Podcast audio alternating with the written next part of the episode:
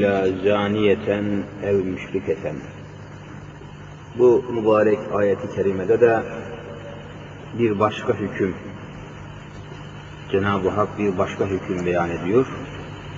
Zinakar, zinacı, zina eden bir adam la yenkihu illa zaniyeten ev müşriketen.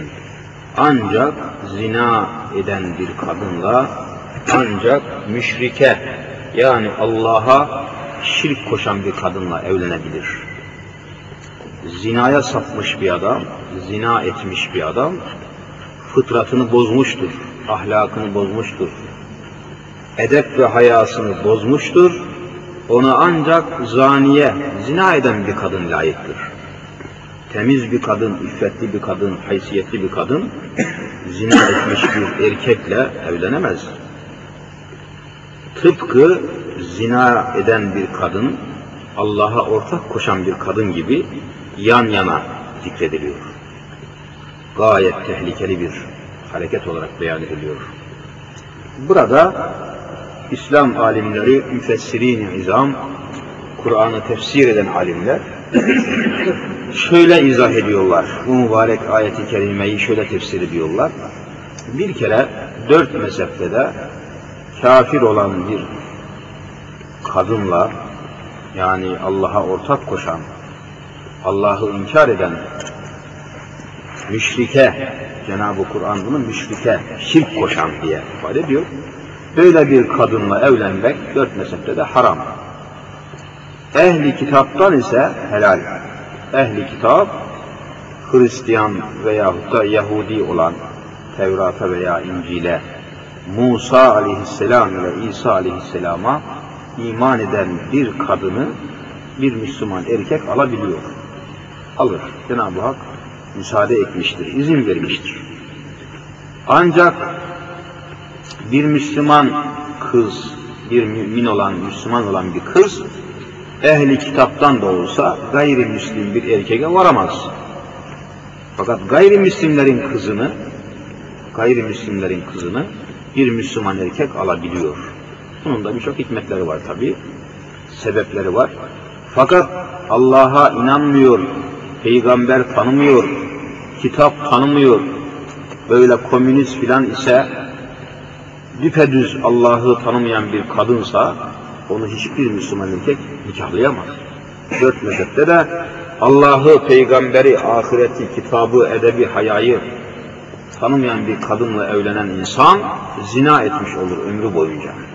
Fuhuş yapmış olur. O nikahı bütün mezhep imamları kabul etmiyor. Bu sarih zaten, bu açık. Bir de zina hareketini, zinayı Allah muhafaza meşru gören, yani zinayı helal kabul eden, zina fiilini, zina hareketini, zina pisliğini helal gören, normal bulan, çirkin görmeyen, istihlal eden yani helalmış gibi zanneden ve böyle kabul eden kadınlarla da asla bir Müslüman erkek evlenemez. Zinayı meslek edinmiş. Zinayı Allah muhafaza etsin, kendisine bir yol seçmiş. Çirkin görmüyor, haram görmüyor. Bu kadın da müşriktir. Bu kadın da kafirdir, kafiredir. Bundan dolayı bununla da hiçbir Müslüman erkek evlenemez. Bunda da ittifak var mezheplerde. Ancak zina eden bir kadın bu zina fiilini, bu zina suçunu, bu pisliği hakikaten kerih görüyor, çirkin görüyor, rezalet olarak telakki ediyor ama başından bir iş geçmiş. Her nasılsa bir şeytana uymuş, bu yola düşmüş ve zina etmiş. Sonradan Allah'a tövbe etmiş, istiğfar etmiş ve bu kötülükten, bu pislikten dönmüş. Bir daha geriye dönmemek üzere vazgeçmiş. Bir kadınla, zina etmiş bir kadınla Müslüman erkek evlenebilir mi, evlenemez mi? Müfessirini izam, cumhur müfessirin diyor, umum olarak müfessirler ve umumen alimlerimiz harama yakın mekruhtur diyorlar. Tahrimen mekruhtur. Her ne kadar tövbe etmiş olsa da, ıslahı hal etmiş olsa da, bir daha o zinaya, o kötü yola dönmemek iddiasında ve tatbikatında olsa da madem ki böyle bir zina suçuyla bir hayatını lekelemiştir, bir Müslüman erkek bununla evlense bile harama yakın mekruhtur demiş. Çirkin yani. Mümkün olduğu ölçüde bir Müslüman iffetli, haysiyetli, şerefli, temiz bir erkekle evlenmelidir. Zina lekesi taşıyan bir kadınla evlenmeyi hiçbir zaman hoş görmemişler İslam alimleri. Daha da ileri gidiyor da Hanefi alimleri, Hanefi mezhebinin tabi uleması var, fakihleri var. Birçokları daha da ileri giderek namaz kılmayana bile kızın, kız çocuğunun verilmemesini, namaz kılmayana bile asla bir Müslüman kızını nikahla vermemeyi tavsiye ediyorlar. Ve bunun da ağır vebalinden bahsediyorlar. Defaatle söylemiştim. Yeri gelmişken tekrar edelim. Bir Müslüman anne veya baba bile bile kız çocuğunu namaz kılmayan bir delikanlıya nikahla verse, her ne kadar o nikah sahih olsa da o kurulan evde, o ailede namaz kılınmadığı müddetçe Allah'a isyan edilmiştir. Allah'a isyan edilmiştir. Namaz kılınmayan o ev Allah'a isyan ocağıdır. Allah'a isyan dergahıdır. O dergahta, o evde, o ailede meydana gelen isyanların, günahların, veballerin bir misli de bile bile aramadan, sormadan, araştırmadan o kızı o çocuğa veren ananın ve babanın ölseler dahi kıyamete kadar defterine yazılmaya devam ederdi. Ölmüş gitmiş adam. E ne olacak? E sen aramadan, sormadan kızını beynamaza verdin ya, kemiklerin çürüyecek kabirde diyor. İslam Kabir, kabrinde o senin kızın değil mi ki gitti bir beynamazdan ev kurdu? O beynamazın evinde namaz kılınmadığı müddetçe meydana gelen isyanın bir misli de senin defteri amaline yazılmaya devam edecek, kabrinde kemiklerin çatır çatır kırılacak. Ve buradan da oraya bir işaret var. Onun için evvelce İslam terbiyesinin hakim olduğu zamanlarda pür dikkat bu meseleye gayet ehemmiyet verirlerdi Müslüman analar babalar. Ve çocuklarını böyle istedikleri zaman kızlarına talip olunduğu zaman hiçbir şeyle ilgilenmezler. Evvel emirde kızını isteyen ailenin veya delikanlının iffetini sorarlardı. Namazını sorarlardı. Haya sahibi midir? Namazlı mıdır? ibadetli midir? itaatli midir? Abdestli midir? Böyle ağzı Kur'anlı, gönlü imanlı mıdır? Vicdanlı mıdır diye sorarlardı. Şimdi vicdanlı mıdır diye sormuyorlar da cüzdanlı mıdır diye soruyorlar. Kalbi değil de kalıbı mühim herif. Sermayesini soruyor. Altında arabası var mı yok mu? Bir dairesi var mı yok mu? İslam dairesinde midir diye sormuyor da bir dairesi bir apartman katı var mıdır diye soruyor. Evvela İslam dairesinde mi bu herif? Camiyle, cemaatle alakası var mı? İman sermayesini sormuyor, maddesini, maddi sermayeyi soruyor. E böyle zayıf temeller üzerine kurulan aile hayatları da görüyorsunuz ki çatır çatır yıkılıyor. Şu memlekette en zayıf, en zayıf ve en ufak bir hadise karşısında çöküntüye uğrayan yuvalar böyle basit temeller ve iman esaslarına dayanmayan temeller üzerinde kurulan ailelerdir. Çöküyor. Ve maalesef iman mevzuunda hassasiyet gösterilmiyor. Aynı şekilde ve zaniyetü la yenkihuha illa zanin ev müşrikün. Bu da deminki hükmün diğer bir şekli. Zina etmiş bir kadını da zina etmiş bir kadın da ancak zina etmiş bir erkekle evlenebilir. Ancak veya müşrik, Allah'a ortak koşan bir kafirle evlenebilir. Müslümanın işi değil. Ve hurrime zalike alel müminin. İşte bütün bunlar müminlere haram edildi. Hurrime. Allah bunları haram etti. Devam ediyor. Vellezine yermunel muhsanati sümme lem ye'tû bi erbaati şühedâe. Bu da ayrı bir hüküm. Şimdi ileri geri konuşmalar yapıp da ehli namus bir kadına iftira eden bir erkeğin cezası ne olacak? Ehli namus bir kadın. Tutuyor herif, sen zina ettin diyor kadına. Sen zaniyesin diyor. Sen fahişesin diyor. İftira. Böyle diyor da böyle diyor da sümme lem ye'tu bi erbaati şüheda. Erbaa hani dört demek. Dört tane şahit de getirip ispat edemiyor. Fuhuş yaptığını söylüyor. Zina ettiğini söylüyor bir kadının da dört şahit de getirip ispat edemiyor. Ne olacak şimdi bu herifin cezası? Dört şahit lazım ki zina ettiğini ispat edesiniz. Getiremedin dört şahit ne olacak? Ceza ne? İftira olarak kalıyor o tarafı. İftira. Böyle iftira eden bir adamın cezası ne olacak?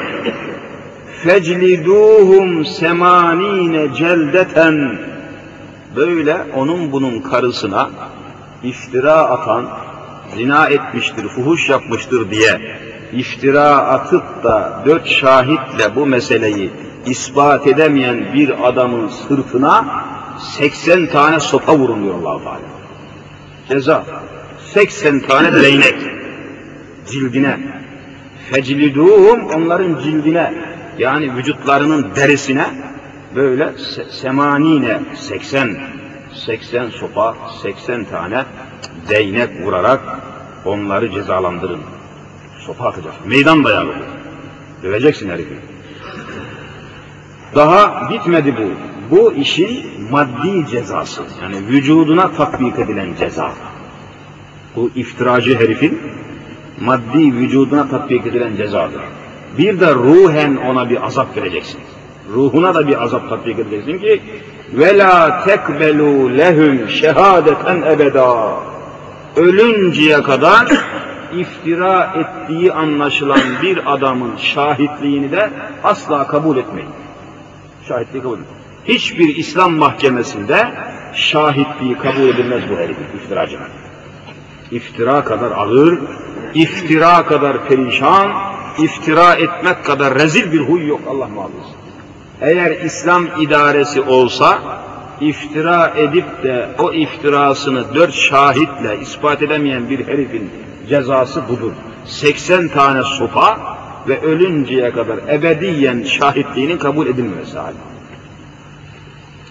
Büyük bir ceza bu. Ve ulaike humul fasikun. İşte bütün bu herifler, bu iftiracılar, müfteriler, fasık, hak yoldan, doğru yoldan çıkmış olan insanlar. Bunlara ceza vermek lazım. İllellezine tabu min ba'di zalike ve eslahu ancak tevbe edip de bundan sonra hayatlarını, amellerini ıslah eden, dürüst bir yola, dürüst bir hayata devam eden insanlar müstesna.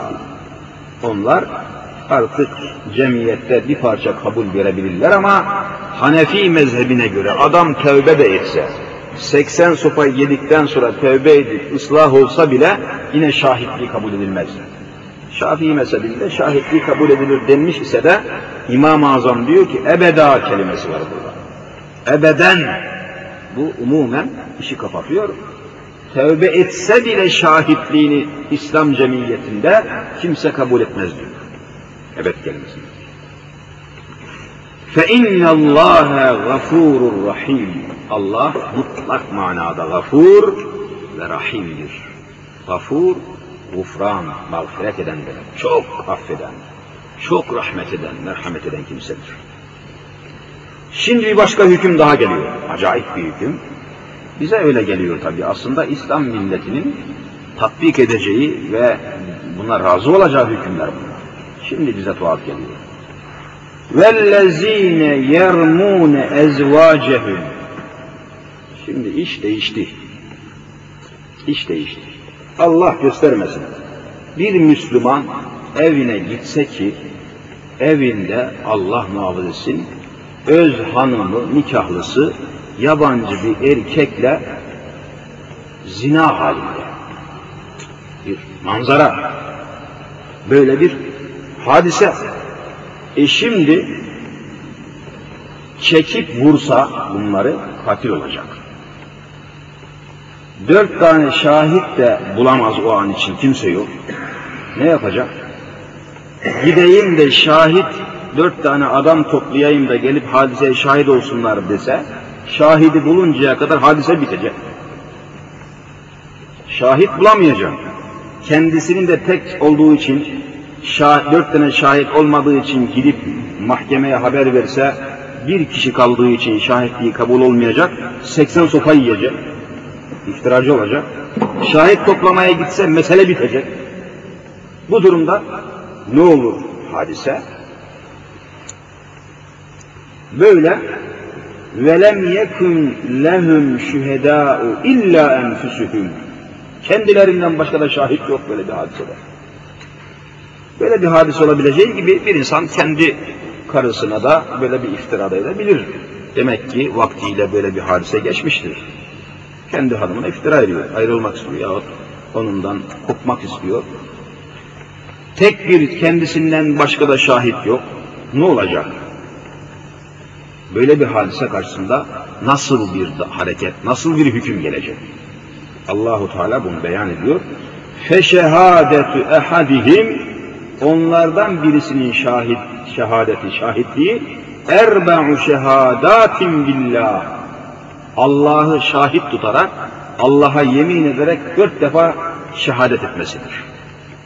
Dört defa şehadet edecek. Diyecek ki ben Allah'a yemin ederim ki vallahi hanımımı zina ederken gördüm. Bir. Bir daha böyle diyecek. iki. Bir daha böyle yemin edecek. Üç. Bir daha böyle yemin edecek. Dört. Dört şahidin yerine dört kere Allah'a yemin edecek. Ki ancak mahkeme bunu kabul etsin. Vel hamisetü beşinci, beşinciye de beşinci seferde enne la'netallahi aleyhi inkâne minel kazibin. Diyecek ki eğer ben yalan söylüyorsam iki cihanda da Allah'ın laneti benim üzerime olsun diyecek. Allah'ın lanetini kendisine çekecek. Dört kere Allah'a yemin ederim ki gördüm, gördüm, gördüm diyecek. Beşinci seferde eğer yalan söylüyorsam, eğer iftira ediyorsam, iki dünyada da Allah bana lanet etsin melun olayım diyecek. Ne kadar ağır bir ifade. Hah, o zaman mesele bitti. Mesele bitti. Kadın da aynı şekilde. O zaman ne olur? Ve yedre'u anhel azabe en teşhede erba'a şehadatin billah innehu leminel kazibin. Kadın da aynı şekilde yemin edecek. Diyelim ki kadın da vallahi ben bu işi yapmadım. Vallahi ben bu işi yapmadım. Dört kere böyle dedi. Eğer ben bu işi yaptıysam, bu sözümde yalancıysam Allah da bana gadab etsin, Allah'ın bütün gadabı üzerime olsun deyip mesele biterse bu şekilde İslam mahkemesi bu kadınla erkeği ayırıyor. Yani derhal hayatlarına son veriyor. Aile hayatlarını ayırıyor. Erkek böyle yemin edip de laneti de üzerine çektikten sonra kadın yemin etmez ve Allah'ın lanetini ve gadabını üzerine çekmezse bu durumda kadına derhal had cezası, rejim cezası tatbik edilir denilmiş. İmam-ı Azam diyor ki hayır derhal recmen taşlayarak öldürülmez bu kadın. Çünkü burada açık bir sarahat yoktur.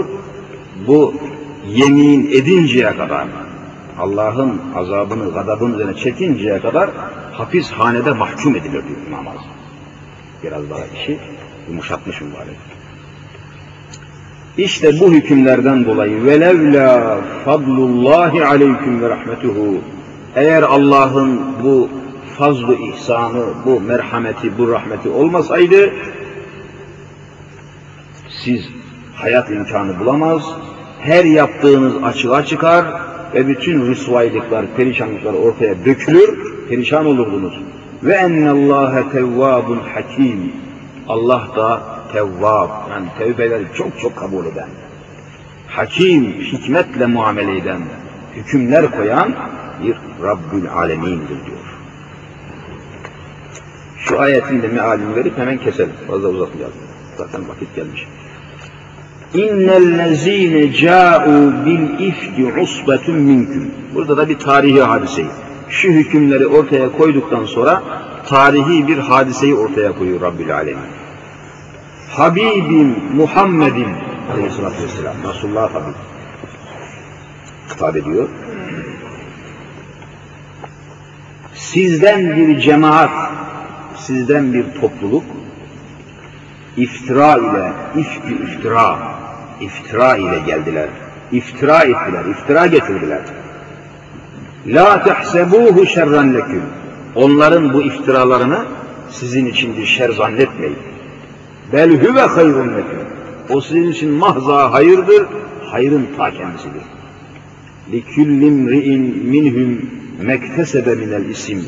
Kim günahlardan ne yaparsa kendisine ait olur. Vellezî tevellâ kibrahu minhum lehu azabun azim. O kibri, günahkarlığı, isyankarlığı onlardan, onlara karşı olan kişiye daha büyük, daha çetin bir azap var. Ayet bu. Burada Hazreti Ayşe validemize hani bir iftira edildi. Çoğumuz biliriz onu. Hazreti Muhammed Mustafa sallallahu teala aleyhi ve sellem Efendimiz bir sefere, bir yolculuğa, yolculuğa çıkacağı zaman hanımlarından birisini yanına alırdı. Yani kura çeker. Kur'a'da hanımların isimlerini kağıtlara yazar. Bir torbanın içinde mesela şimdi kura çekiliyor ya. isimlerini bir kağıda yazarak bir torbanın içine koyar, karıştırır. Oradan bir tane çekerdi. Hangisinin ismi çıkarsa onu yanına alırdı. Yani sefere onu da götürürdü. Seferde, seyahatte yanında bulundururdu hanımlarından birisi. Bir seferinde de Hazreti Ayşe validemizin ismi çıktı torbada. Kura yanına aldı, sefere çıktılar. Seferden dönüyorlardı. Medine-i Münevvere'ye dönüyorlardı. Yolda tabi zaman zaman konaklıyorlar. Menzil menzil. O zaman yaya yürüyüş. Menzillerde duruyorlar. Bir akşam konakladılar. Resul-ü Zişan sabahleyin erken yola çıkılacağını haber verdi. Hazırlıklar yapıldı ve kervan yola çıktı. Hazreti Ayşe validemiz de hazırlanmıştı. Kervan hareket halindeyken toparlandı ve bir de baktı ki boynundaki gerdanlığı düşmüş. Gerdanlık böyle boncuklardan yapılmış kıymetli bir gerdanlık düşmüş. Hemen geriye döndü, gerdanlığı aradı. Kafile gidiyor. Gerdanlığı aradı ve nihayet buldu. Buldu, bir baktı ki kervan gitmiş, kafile gitmiş oradan. Onların peşine takılmadı. Şimdi benim olmadığımı anlarlar, geriye dönerler. Beni burada bulurlar dedi ve bu kanaatle, bu kararla orada oturdu. Derken uykusu geldi, orada uyudu. Epeyce zaman geçti. Ve kervan kafile epeyce uzaklaştı. Nihayet Resul-i Zişan'ın böyle bir yolculukta, böyle bir seferde bir tedbiri vardı. Kafilenin en gerisine bir adam tayin ederdi. O çok geriden gelir, yolda düşen, dökülen, kaybolan bir şey varsa toplaya toplaya arkadan gelirdi. O gün kafilenin gerisinde de böyle Safvan isminde bir sahabi vazifeliydi. Hazreti Safvan. Geriden geldi, aa baktı ki Hazreti Ayşe validemiz orada uyuyor. İnna lillah ve inna ileyhi raciun dedi. Bu ayet-i kerimeyi okudu. Hazreti Ayşe validemiz uyandı. Kimse yok. Hemen Hazreti Safvan sırtını çevirdi. Deveyi emrine verdi Ayşe validemizin. Hazreti Ayşe validemiz deveye bindi. O da oradan deveyi çekmek suretiyle süratle gelip kafileye yetiştirdi. Kafileye kavuştu. Kafilenin bir şeyden haberi yoktu. Hani üstü kapalı bir çadır gibi devenin üzerinde bir yuva, bir çadır gibi bir kapalı bir şeyin içinde gittiği için kimse işin farkında değildi. Bu kapalı yerdedir, kapalı içeridedir diye herkes merak etmemişti. Arayan da olmamıştı. Çünkü açıktan gitmiyordu Ayşe validemiz. Böyle bir mihraca gibi hani o devenin sırtına böyle bir beşik gibi bir şey yaparlar. Onun içinde götürürler Resulü Zişan ezvacını. Ee, dışarıdan görünmediği için farkına varılmamıştı. Konaklamışlar ve konakladıkları zaman bakmışlardı ki Hazreti Ayşe yok. Bir telaş, bir velvele, bir kıyamet, bir bir facia patlamıştı. Tam o esnada da Ayşe validemiz geldi. Kafile teslim oldu. Teslim oldu. Bunun üzerine ses soluk kesildi ama münafıklar durmadı. Abdullah İbni Übey namında münafıkların başı bir kafir bir münafık vardı. Hemen öbür münafıkları topladı. Tam zamanı dedi. Gelin bir iftira. Ayşe'ye, Hazreti Ayşe validemizin böyle bir şey yapması ne akla ne hayale gelmez tabii. İşte dedi Hazreti Ayşe kervanın gerisinde kaldı. Safvan ile zina etti dediler. Alemini yaptı, zevkü sefasını sürdü, her çeşit eğlenceyi haşa Allah muhafaza etsin kefazeliği yaptı, arkadan geldi kafile yetişti dediler. Bunu duyar duymaz Hazreti Habibullah üzüntüsünden helak oldu. Hazreti Ebu Bekir Sıddık yıkıldı, ezildi böyle. Hazreti Ayşe validemiz içeriye kapandı, bir daha dışarıya çıkamaz hale geldi, yiyemez, içemez hale geldi. Böyle kahroldular hepsi böyle. Kahroldular. İşte ayet-i kerime bunu haber veriyor. Size bu iftira ettiler ya, la tuhsebuhu şerren lekum. Bu sizin hakkınızda şer değildir diyor allah Teala. Ey Ebu Bekir Sıddık ailesi, ey Hazreti Habibullah'ın ailesi, merak etmeyin. Bel huve hayrun leküm. O sizin hakkınızda hayırlı olacak. Cenab-ı Hak müjde veriyor. Böylece bilahare şimdi ayetler devam ediyor tabi gelecekleri size izah edeceğim. Bu merak, endişe, bu üzüntü içinde devam ederken nihayet herkes böyle, bu bir ay kadar devam etti. Bir ay içeriden dışarıya çıkamaz oldu Ayşe validemiz. Bir ay devamla Resul-i Zişan böyle kapalı ve mahzun bir hayat yaşadı. Bir ay müddetle Hazreti Ebu Bekir Sıddık kimsenin yüzüne bakamadı. Nihayet birdenbire bu üzüntü, bu keder iyice yoğunlaşmış, yığınlaşmıştı ki arş-ı aladan ayet gelmek suretiyle Hazreti Ayşe'yi temize çıkardı. Bizzat 18 ayet getirdi Cebrail Ayşe hakkında. Arş-ı aladan 18 ayetle Ayşe validemizin temiz olduğunu, bu iftirayı bizzat münafıkların yaptığını açıkça haber verince bir şenlik, bir bayram ettiler. Bir nefes Resul-i Zişan minbere çıktı mescitte, minbere çıktı, ayetleri okudu, hadiseyi anlattı ve iftirayı edenlere beddua etti. Abdullah İbni Übey rezil rüsvay oldu. Bir başkası gözü kör, elleri çolak oldu. Bir başkası başka bir belaya geldi, kahru perişan oldular. Ve hemen bu ayetlerden sonra da dördüne de 80 sopa attı Resulullah. Had vurdu, cezalandırdı hepsini. Ve mesele kapandı. Ayet-i kerimeler ile Hazreti Ayşe validemizin üstünlüğü, fazileti, tahareti, temizliği arş